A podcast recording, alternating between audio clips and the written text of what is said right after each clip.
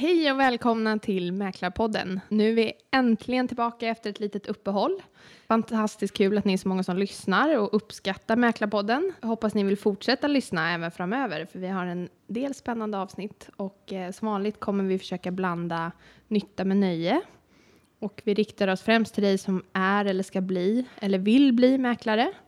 Men även eh, personer utifrån, om man kan säga så, eh, tycker nog att eh, många av våra avsnitt är roliga och nyttiga, så att alla är välkomna att lyssna såklart. Men målet med podden är att ge en ärlig bild av mäklaryrket och förbereda er blivande mäklare på vad ni ger er in på, om man säger så.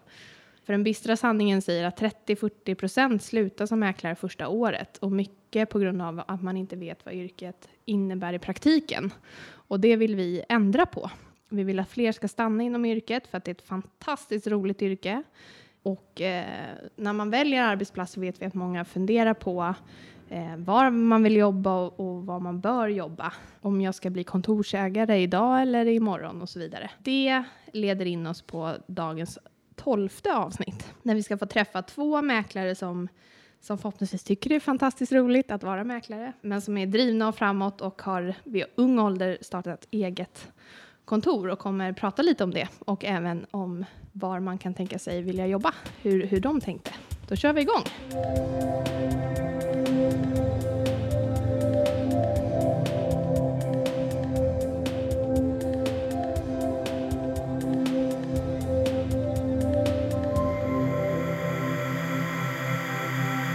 Mäklarpodden sponsras av Mäklarringen.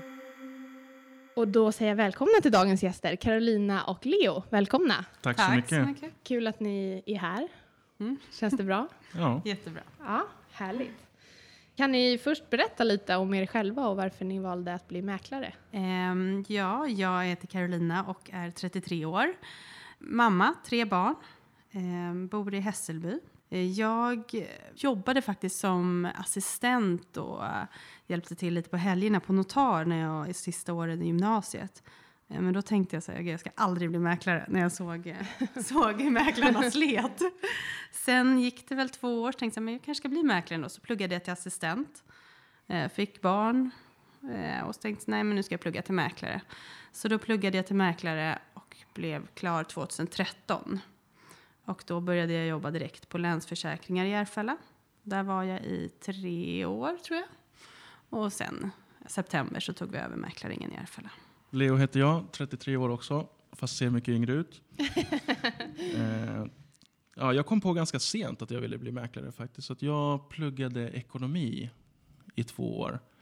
Men kände att det var absolut ingenting för mig. För att det var alldeles för allround och kändes bara bara trist. Att man skulle sitta på ett kontor sen resten av livet och mm. ja, göra sånt man tycker är tråkigt. Så jag tröttnade på den utbildningen och så flyttade jag till Sydamerika i ett år.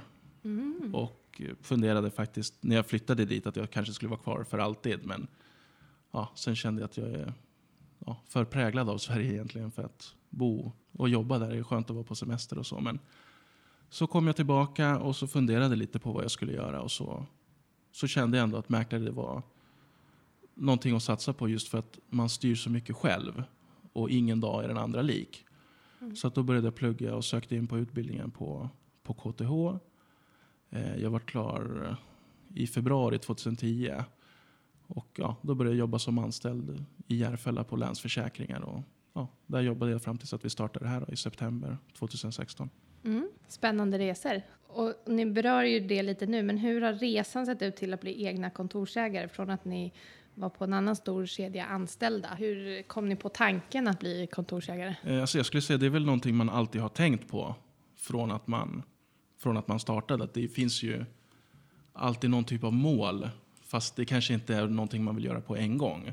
För det är ändå ett väldigt stort steg att ta. Och man säger själv, alltså när jag började så var det ett ganska nystartat företag ja, mm. som jag började på. Och ja, jag tror att det, jag kände i alla fall att jag ville ha mycket mer erfarenhet innan jag skulle starta någonting eget. Och framförallt lär man sig jättemycket av att jobba någonstans. Ja, man ser alla de misstag och de bra grejerna som ens gamla chefer har gjort eh, och så vidare. Och självklart har man ju lärt sig mycket av deras erfarenheter eh, också då, då, när man ska, ska driva eget. Så att, ja, jag tror att det är någonting man har funderat på jättelänge och så, så har vi haft möjligheter i och för sig nu i, i två, tre år i alla fall. Så har vi haft väldigt mycket erbjudanden om ja, olika kedjor som vill plocka över oss. Men jag skulle säga det var väl ett, ett naturligt steg och sen ja, kom tajmingen jäkligt bra. Mm, ja, med men det för här mig handlar det mycket om tajmingen. För vi, blev, vi tackade ju nej först, ett Mm. halvår innan, men då hade jag precis fått barn. Och, ehm, och sen också erfarenheten att vi ville känna oss säkra på att vi skulle klara av det. Det har varit, vi har jobbat dubbelt så mycket som Mm. vi gjorde när vi var anställda. Eh, vi lägger ner väldigt mycket tid, men sen, samtidigt så är det jätteroligt. Så Mm. att jag, vi ångrar inte att vi gjorde det. Men jag tyckte att det var ett svårt beslut för att jag trivdes väldigt bra, jag tjänade väldigt bra, jobbade ganska lite. Mm. Det, det tog väl ett halvår innan man kunde, eller jag bestämde mig för att det var rätt steg. Men så fort jag hade tagit steget så var det ju det bästa jag gjort. Då. Mm, ja, men det var ju någonting för, faktiskt som man funderade på väldigt länge, in i det sista i princip. Ja, innan vi skrev på till och med så var det oklart om, ja, men är det verkligen det här steget ska vi ska ta, ska man ta något annat steg? Ja. Eh, Hur ska man göra? Men sen har man ju inte tittat tillbaka så man har ju inte ångrat sig en sekund egentligen. Var, varför är det det bästa ni har gjort? Vad är det som är det bästa? Alltså jag tycker att det är mycket roligare att bygga upp någonting. Även om vi jobbar mer så jobbar man ju för sig själv eh, på ett annat sätt. Och man, man kan tänka långsiktigt eh, på ett annat sätt än när man är anställd. För att precis som jag sa så vet man ändå om, eller jag visste om det i alla fall när jag var anställd, att det finns ett nästa steg. Och då tänker man inte alltid det här långsiktiga som ofta behövs. Att ja, man vet att man är kvar om fem år, man vet att man är kvar om tio år Mm. när man är anställd så är det liksom på ett annat sätt. att ja, Man får så jättemycket erbjudanden hela tiden fram och tillbaka. Så man funderar, ja, men ska jag ta det här, ska jag ta det där och så vidare. Så då, ja, man blir mycket kortsiktigare på, eh, på något vis. Och sen är det också att nu är man ju beredd att göra en massa jobb också när man gör det för sig själv på ett annat sätt. Än när man var anställd. För att nu är det ens eget bolag Mm. som man, eh, som man bygger upp. och ja, Inte åt någon annan eller hur man ska förklara det. Du nämnde lite om, om eh, misstag och vad, vad gamla chefer hade gjort bra och inte och att man lärde sig. Kan du, Mm. Vågar du nämna någon av eh, de sakerna? Ja, jag vet inte hur man ska förklara men man ser ju saker som de har gjort så nu vill man inte avslöja det som är bra. och det känns taskigt att nämna det som är dåligt också. Ja. Men eh, de gjorde ju jättemycket bra grejer och sen gjorde de en del dåliga saker också. Ja. Och det man vill undvika är, ja, vi vet ju vilka saker de gjorde dåligt och det vill vi inte upprepa men vi vet ju också vilka saker de gjorde väldigt bra. Mm. Och det har vi försökt eh, ta till oss också. Mm. Fortsätta jobba på det viset. Så jag tror att vi har ändå lärt oss väldigt, det var inga dåliga, det var inget dåligt kontor som vi jobbade på. Nej. Utan det är också det som har gjort att det har gått så bra för oss. Att vi ändå liksom har kunnat se vad man kan göra bra. Och så, det handlar ju mycket om att jobba, jobba väldigt aktivt. Det är, liksom, ja, det är ingenting, man kan inte bara sätta sig på sin stol och vänta på att det ska komma in affärer.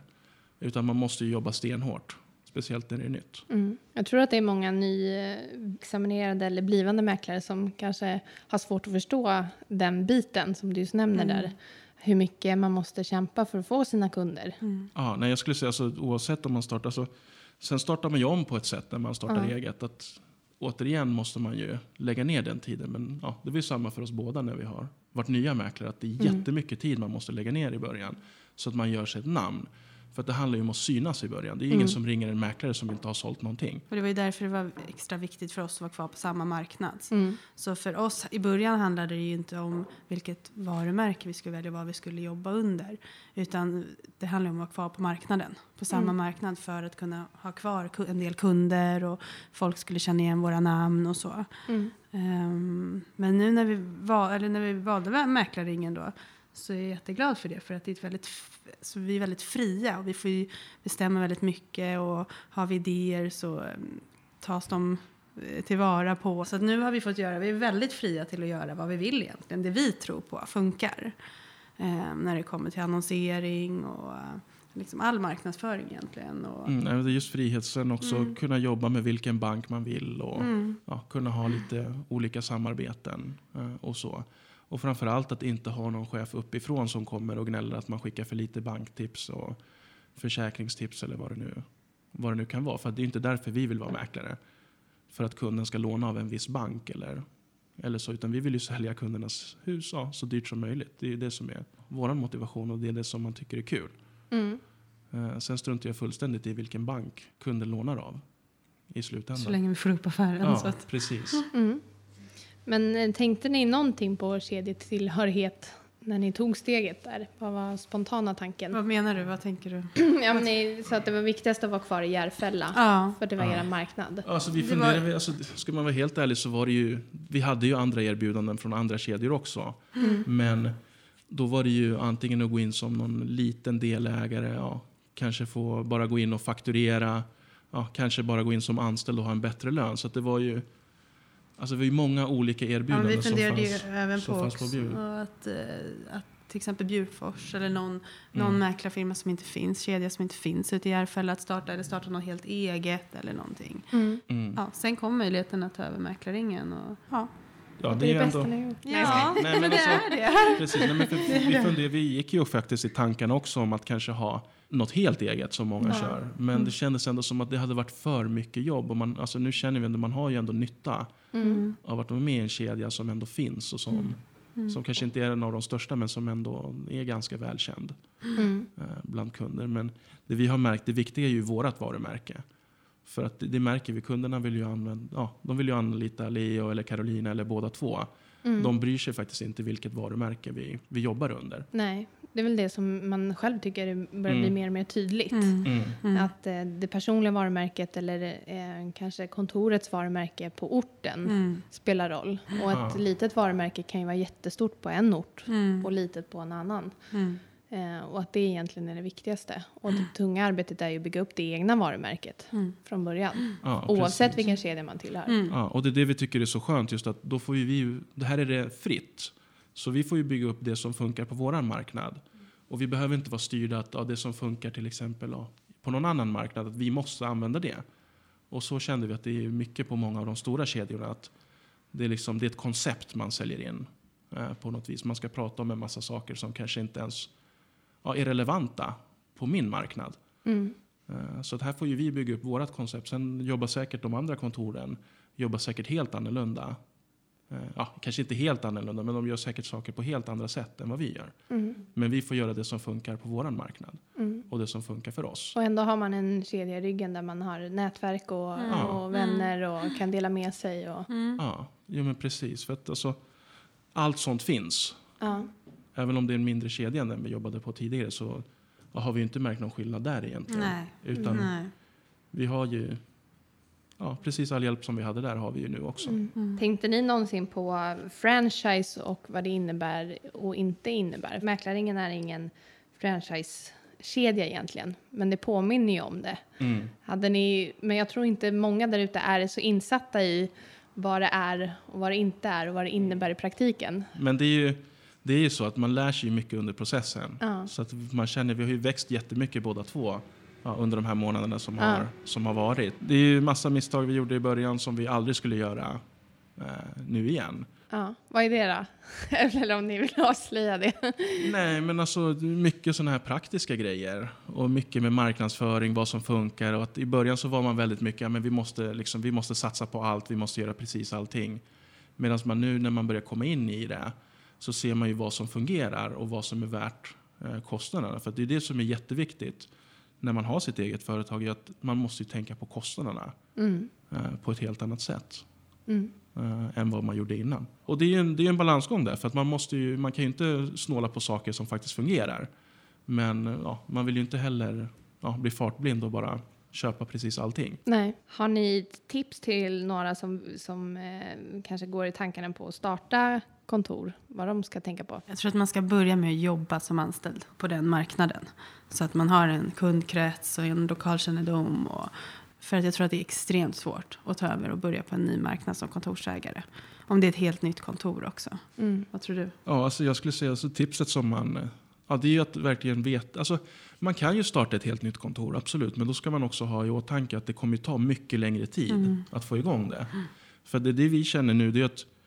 Alltså nu hade vi kanske budgeterat för att det skulle ta mycket längre att få igång det här. Men vi har ju verkligen sett hur viktigt det var att vara kvar på samma marknad. Mm. För det har gjort att ja, vi har inte ens haft ett år.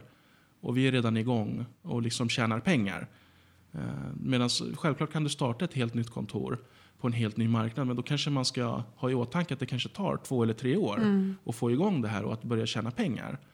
Och då är det ju väldigt mycket man ger upp. För att så är man en duktig mäklare så tjänar man ändå väldigt bra. Och då ska man kanske tänka efter, men är det någonting jag vill ge upp? Att kanske inte ha den här lönen i två eller tre år.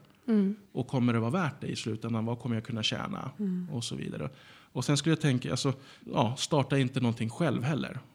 För att det, alltså, ja, jag tror man ska vara två eller tre stycken. Ja, jag tror två är optimalt egentligen om man ska starta ett företag. Och sen är det viktigt att man är bra på olika saker också.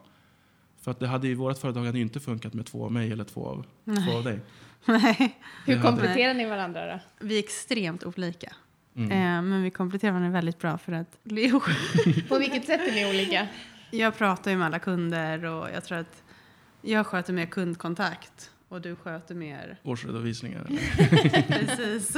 Ja, nej, men alltså, det är ju väldigt olika för att eh, vi går ju på mycket möten tillsammans och så. Vi känner ju varandra så, så, så pass bra att vi funkar ju på olika typer av kunder. Och det, det tror, jag, tror jag också är viktigt, inte bara när man sköter företaget utan det är viktigt ja, egentligen på alla kontor att man har mäklare som tilltalar olika typer av kunder. Så att man inte slåss om, om samma kunder egentligen. För att eh, jag tror, hade vi varit konkurrenter så hade det ju det är typ ingen kund tror jag som hade valt mellan oss två. Utan jag tror att man liksom, ja, det är antingen eller. Eh, skulle jag säga. Så att det, det märker vi jättemycket när vi är på möten. Att, ja, ibland pratar hon mer, ibland pratar jag mer. Det beror lite på vad det är för kund och vem som, vem som klickar med, med kunden. För att jag är liksom mer, mer rak, mer fakta, mer liksom ordentlig eller vad man ska säga. Och du är mer den här sociala som får... Charmören. Exakt. Precis. Om det är jättebra, då breddar ju ni kundkretsen egentligen. Mm. Eh, tack vare att ni är olika. Ja, nej, men sen är det jätteviktigt också med arbetet med företaget också. Att man är bra på olika saker. Apropå det, årsredovisningar. Det är ju säkert hur mycket saker som helst att sätta sig in i som man kanske inte kunde innan. Som ekonomi, redovisning och så vidare. Har det varit utmanande eller har det gått eh, eh, lättare än förväntat? Eller hur har det... Nej, alltså det är ju mycket, mycket jobb med sånt. Det är det ju absolut. Det har väl varit ungefär som man har väntat sig. Alltså man, man visste ju att det skulle vara mycket jobb och det har vi ändå kollat upp liksom innan vi startade så att man vet vad man ger sig in på. För att det ska man ändå tänka på att det är självklart att det blir en massa mer jobb. Eh, när du inte bara ska fokusera på att, på att mäkla. För att när man var anställd, ja, men då gjorde man sina grejer och sen stack man hem. Eller så var det på vårt kontor i alla fall. Det var inga liksom, fasta arbetstider eller någonting sånt. Utan vi gjorde, det, vi gjorde egentligen det vi tjänade pengar på. Mm, Vi jobbar nog nästan dubbelt så mycket nu som vi gjorde då. Ja. Och sen är det ju mycket också i och för sig för att marknaden är lite trögare nu. Men det är ju mycket extra jobb. Allt ska gå sig igenom, man måste kolla så att alla, ja, alla fakturor man får stämmer till att börja med. För att det är ju också en massa pengar som, som bara rinner iväg. Om man inte har koll på vad det är man faktiskt har beställt och vad man är överens om. Eh, Och så vidare. Så det är väl det rådet man ska ge till, ja, till egentligen vem som helst som, som startar företag. Att man ser till att man har bra avtal på, på allting som är varje, som skrivare, som marknadsföring, lokalt, ja, vad det än är. Att man faktiskt sätter sig och förhandlar med varenda leverantör och inte bara tar listpriset. Oavsett vad det gäller. Och då är det ju också positivt att man har en kedja i bakgrunden. Att det är Ja, vissa, verkligen. att mycket av leverantörerna är ju upphandlade till Ja, bra precis. förmånliga priser. Så att man har ju en fördel där. Och personal måste ju vara utmanande. Att ha kollegor och, och anställa och, och pusha dem. Och speciellt om de är yngre som kanske behöver lite mer hjälp på traven. Att man fortfarande man ska driva kontor, man ska också mäkla själv och dessutom pusha någon annan att göra bättre ifrån sig. Ja. Så vi tror ju väldigt mycket på, vi eh, letar lite personal och så. Och att vi är nog väldigt kräsna med vem vi anställer. Mm. Ehm, för att för oss är det jätteviktigt att vi trivs ihop. För trivs vi ihop och har kul ihop så vill man ju vara på jobbet på ett helt annat sätt. När vi jobbade tidigare, jag var inte där mer än vad jag behövde. Och så Nej. gick jag ju direkt när jag var klar. Så att ehm, det är ju jätteviktigt. För att man är ändå um, umgås och jobbar ändå så pass mycket ihop. Ja. Att det måste funka på kontoret. Att man Nej, men man vill ju ha en sammanhållning också, att man faktiskt skulle kunna umgås privat också. För då blir det mycket roligare att komma till jobbet. Och det känner vi som har företag, men vi vill ju också att våra anställda ska känna så, att det är en rolig arbetsplats att komma till. Att man liksom har någonting gemensamt med de man jobbar med och att det, att det är kul. För då orkar man ju på ett annat sätt och då kommer man vilja vara på kontoret eh, på ett annat sätt. Man vill ju inte att det ska vara så att ja, man är där så lite som man bara kan. Jag tror ju det att då, då kommer de anställda ja, då kommer de omsätta mer och det blir liksom ett bättre, bättre kontor. Men för det är många kontorsägare som tar in alla de kan. Och så är det, tar de in tio så är det en som funkar och så slutar de andra. Och det blir aldrig någon riktig sammanhållning. Eh, så att vi, att vi Mm. klarar oss, om det Mm. bara är vi. Mm. Alla, de fler vi blir, det är bara ett plus. Mm. Så att eh, för oss är det viktigare att hitta rätt mäklare. Ja, men man vill ju, alltså det måste ju vara någon som passar in med oss socialt. Men sen måste det också vara någon som är duktig. För att man vill inte heller ha... Alltså nu jobbade vi på ett kontor där det länge var... Alla var duktiga. Men i slutet så var det ju ja, några stycken som kanske inte omsatte på samma nivå. Det blir liksom, ja, jag vet inte hur man ska förklara det, men jag har ju pratat med många också kompisar som jobbar och du vet, man vill inte att det ska bli någon avundsjuka på något vis. För det, det blir ju väldigt konstigt om du har en mäklare eller två mäklare som ja, tjänar hur mycket pengar som helst och sen har du tre, fyra andra eh, som knappt går runt. Ja, det blir ju det blir liksom en, en konstig dynamik på något vis. För att den har du ju inte på andra arbetsplatser. Eh, För nästan vad du än jobbar med så ja, det är kanske chefen som tjänar mer men alla som jobbar med samma arbetsuppgifter tjänar ju ungefär samma sak. Mm. Så det är det vi tänker också, att vi vill ju ha ja, hyfsat jämna mäklare. Eller ja, det kan ju vara någon som tjänar mer men man vill ändå att alla ska vara så pass duktiga så att de tjänar, tjänar bra. Mm. Och så pushar varandra.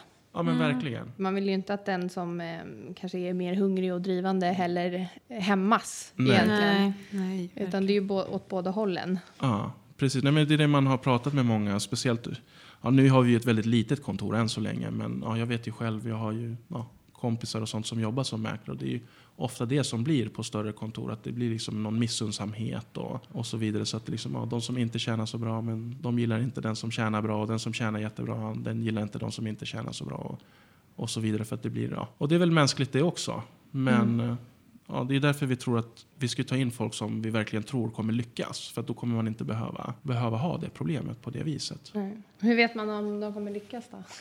Ja, det vet man ju inte, men det finns ju, vi har ju ändå jobbat så pass länge i branschen och man ser vilka Ja. som är duktiga. Så att ofta ser man ju på, det är bara att tänka själv. Det är ju ändå första mötet som är det viktiga. Det är ju där du tar in uppdrag eh, Mm. och så vidare. Så att det tänker vi också jättemycket på. Vad gör de för intryck när vi träffar dem första gången? Mm. Eh, och så vidare. För det är det intrycket som kunderna också kommer få.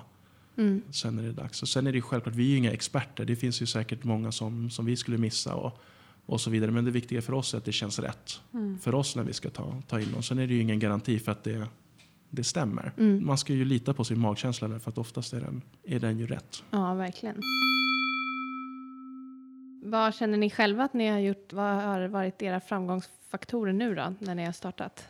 Är det just eh, kombinationen av er två olikheterna eller är det er driv och engagemang eller vad har varit receptet? Ja, men jag tror vi har ju vi har gått på nästan alla möten tillsammans. Ehm, Det är inte ofta att- man hör det. Nej. Eh, så att vi, vi säljer väldigt mycket tillsammans. Det har varit två mäklare på nästan alla visningar. Eh, framförallt hus har vi märkt att vi får liksom mer kontakt med kunder och det är väldigt uppskattat att vi har en helt annan tid på visningen och prata och ställa, svara på frågor. Och, eh, husägare har uppskattat det. Och det har gjort att vi har ju vi har sålt mer hus nu än vad vi gjorde förut. Ja, nej men det, som, det som jag skulle säga det är ju det som har varit vår framgångsfaktor. Att vi Ja. har lyckats hålla en otroligt hög hitrate. Att vi har, vi har tappat väldigt lite objekt som vi har varit ute på. Ja, när kunder har jämfört oss. Och, ja, vi hade ju bra förut också men Mm. nu har den ju varit nästan extrem. Mm. Det är ju det är inte mycket objekt vi har tappat på något annat än pris.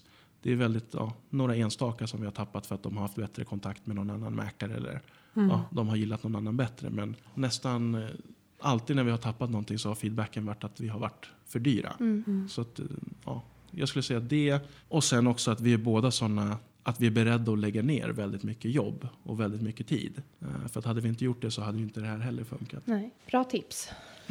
Vi har pratat lite om kedjetillhörighet och, och det egna varumärket. Att man i början då kanske syns på så mycket saker men att man ska koncentrera Mm. sig på det som funkar. Hur bygger man upp det lokala eller det egna varumärket utan att avslöja alla era knep här? Ja, alltså jag skulle säga att det, alltså det viktigaste är att göra ett bra jobb. Mm. För att det är ofta så man tar in nästa kund och, och så vidare. För att det, det vi märker, vi får ju väldigt bra respons när vi är på visningar och tar in väldigt mycket följdaffärer. Mm. Och sen är det också så när man gör ett bra jobb, alltså det, är, det, är ingen som, det är ingen granne som ringer till en mäklare som har sålt en, en billig bostad. Utan det är när du får bra betalt som grannarna ringer. Oj, Ja, men fick ni så mycket för det huset? Ja, men kom och sälj vårat också. Eh, så vi har sålt nu i ett område till exempel, ja, vad har vi tagit in där? Fem hus. Mm. Ja, på På grund en av... gata Ja. Oj. på tre veckor. Oj. Så, och då har det inte vill sålt flytta. där. Ja, men det har inte Mm. sålts där på ett år innan när vi sålde Mm. det första. Och det är ju mycket för att vi har varit två mäklare på visningen. Vi, är väldigt, vi försöker vara väldigt engagerade, med på alla fotograferingar, hjälper till att styla. Eh, vi är alltid två på visningen, med på besiktningar. Eh, och jag tror att det har spridit sig där. Mm. Att vi engagerar oss verkligen Ja. varje försäljning. Och det är inte bara så att mäklaren dyker upp på intaget och sen på Mm. visningen. Ehm, och så ser man aldrig mäklaren igen. Mm. Nej, men alltså, det är det vi märker, att folk uppskattar ju den extra tid vi lägger ner Mm. på varje objekt. Att vi ser till att vara riktigt pålästa på visningar och sånt. För det, det ser ju folk när de kommer på visningar. Och det är mycket det vi säger till kunder också. Att men kom och, egentligen ska du jämföra oss på visningar. För att det är det intrycket som, Mm. ja, som den som ska köpa ditt hus får. Sen är ju alla mäklare ju ganska duktiga på det här intagsmötet eller vad man, vad man ska kalla det. För att är du inte det så har du ju inget jobb.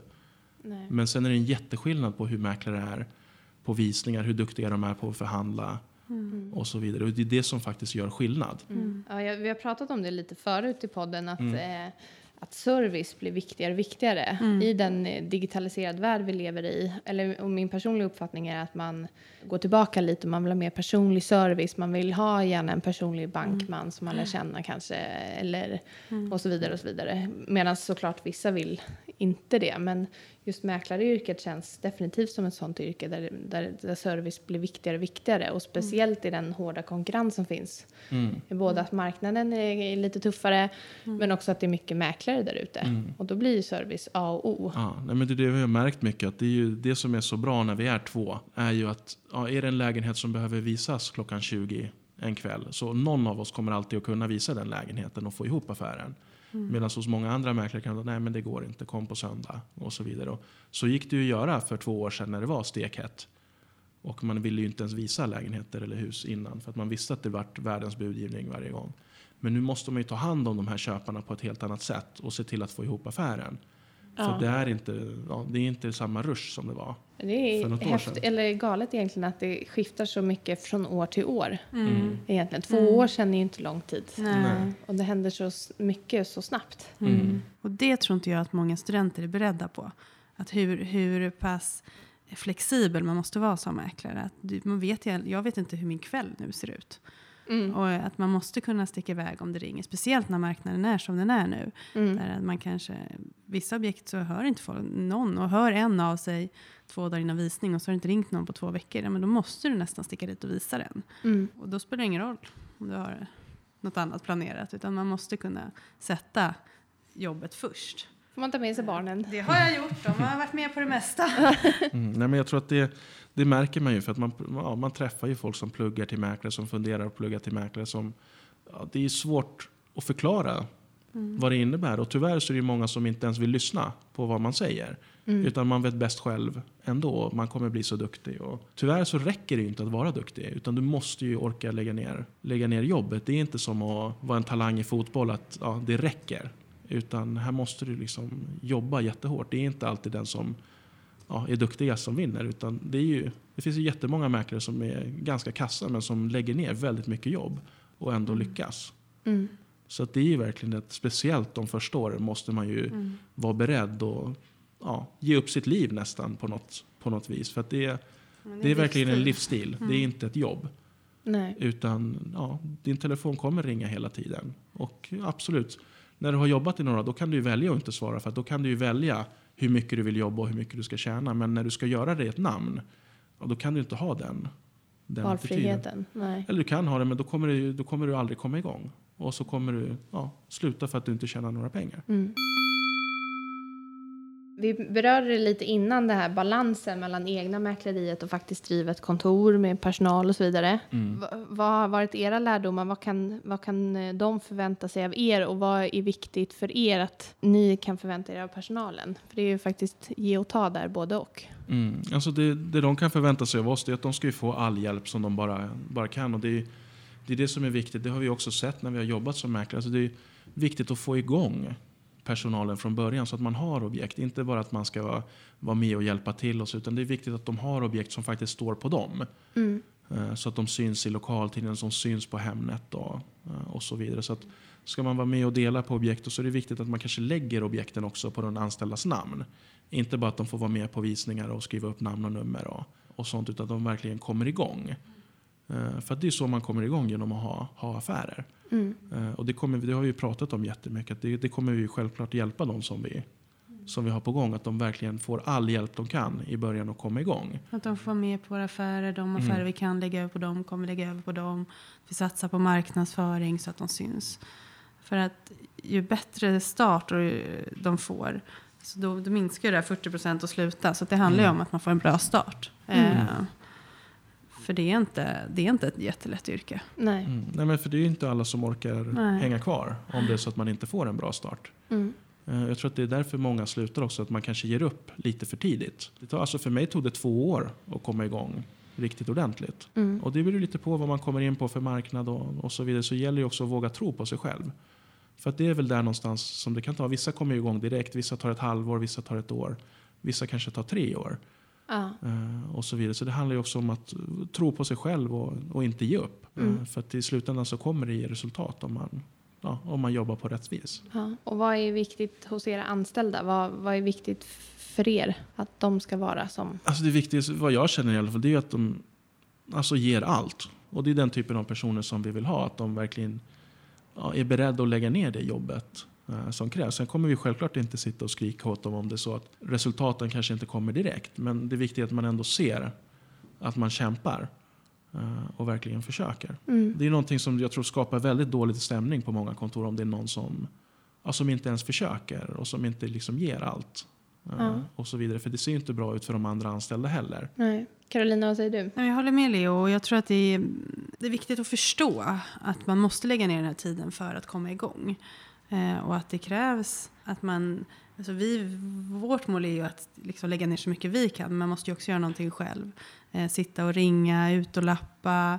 Vi har haft som man står utanför en ICA Maxi och bjuder på värderingar, vad som helst. Att man lägger ner den här tiden, det kanske inte är jätteroligt i början, men det kommer ge resultat.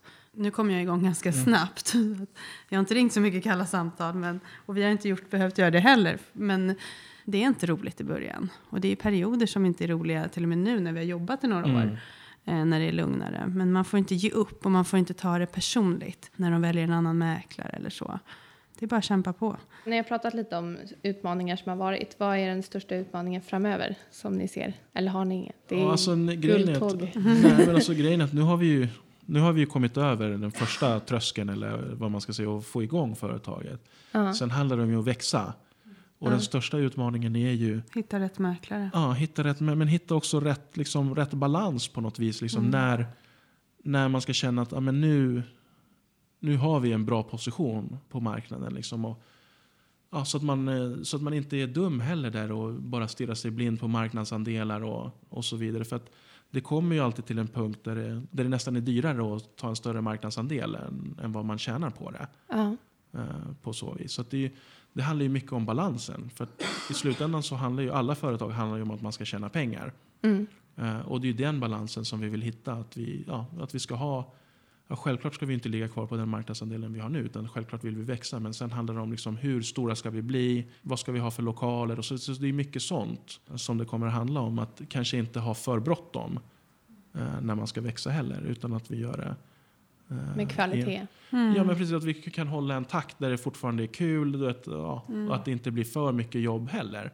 Nej. För att så mycket som vi har jobbat nu ja, i början, så mycket kommer man ju inte orka jobba ja, fem år till. Utan nu handlar det också om att hitta någon bra, bra balans. Och framförallt att inte tappa någonting heller. För att det är också en utmaning ja, när man tar in nya. Så att det kommer ju ta jättemycket tid från oss själva. Mm. Så att vi måste liksom ändå kunna bibehålla vår omsättning samtidigt som vi får igång nästa mäklare och sen förhoppningsvis flera mäklare efter det. Ja. Men vad bra, det var nog de frågorna. Vi har pratat om så mycket och ni har gett otroligt värdefulla tips känner jag. Både till blivande mäklare men eh, till blivande kontorsägare. Tror ni att det är bara vissa personer som har the guts eller egenskapen att bli kontorsägare? Alltså vi pratade om, lite om det nu här utanför i bilen. Alltså jag tror, har man det drivet som behövs för att bli en duktig mäklare så tror jag att det handlar mer om att hitta rätt person att starta det med. Självklart ska man starta det själv, då är det nog bara en viss typ av person som klarar av det. Men jag tror att det är väldigt få som klarar av att ha ett kontor helt själv. Mm. Utan jag tror mer att det handlar om att hitta någon som kompletterar ens egna färdigheter. För att då kan du vara i princip vilken typ av person som helst om du har någon annan som bryter av och kompletterar dina svagheter. Mm. Eh, och så vidare. Men ja, jag tror att självklart måste du ha ett jättedriv för att ha eget. eget men är man en mäklare som är duktig så ja, då, då måste man ju ha ett driv. Annars blir du ju inte en duktig mäklare från början. Och sen tror jag att det handlar om mycket och just att starta på den marknaden där du, där du redan jobbar. Och starta ingenting liksom direkt när du kommer ut från skolan. Ja. För att det är ju, ja, Tufft. ja, om du inte har en eller två delägare som har varit mäklare länge, ja, men då, då kanske det är en annan sak. Ja. Men starta själv eller med någon annan direkt från skolan, det tror jag inte är Nej. det bästa. Vad är det roligaste med att vara mäklare? Jag tycker att det är så himla fritt. Att man träffar olika människor varje dag. Ingen dag är som den andra dagen. Det är väldigt flexibelt. Vill jag vara ledig en dag är jag ledig en dag. Vill jag jobba 14 timmar en dag så jobbar jag 14 timmar. Eh, Vill jag vara semester så får jag planera in det. För mig funkar det jättebra. För jag får ju alltid den frågan eftersom jag har tre barn. Ja. Gud, hur får du ihop det? Hur kan det gå att jobba som mäklare när du har barn? Och jag tror inte att jag skulle fixa ett 9-5 jobb.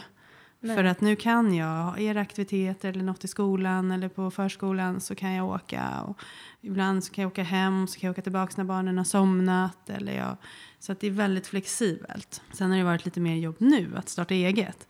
Så kanske inte uppskattas av mina barn så mycket. Men, men det är, jag tycker att det är ett jätteroligt jobb.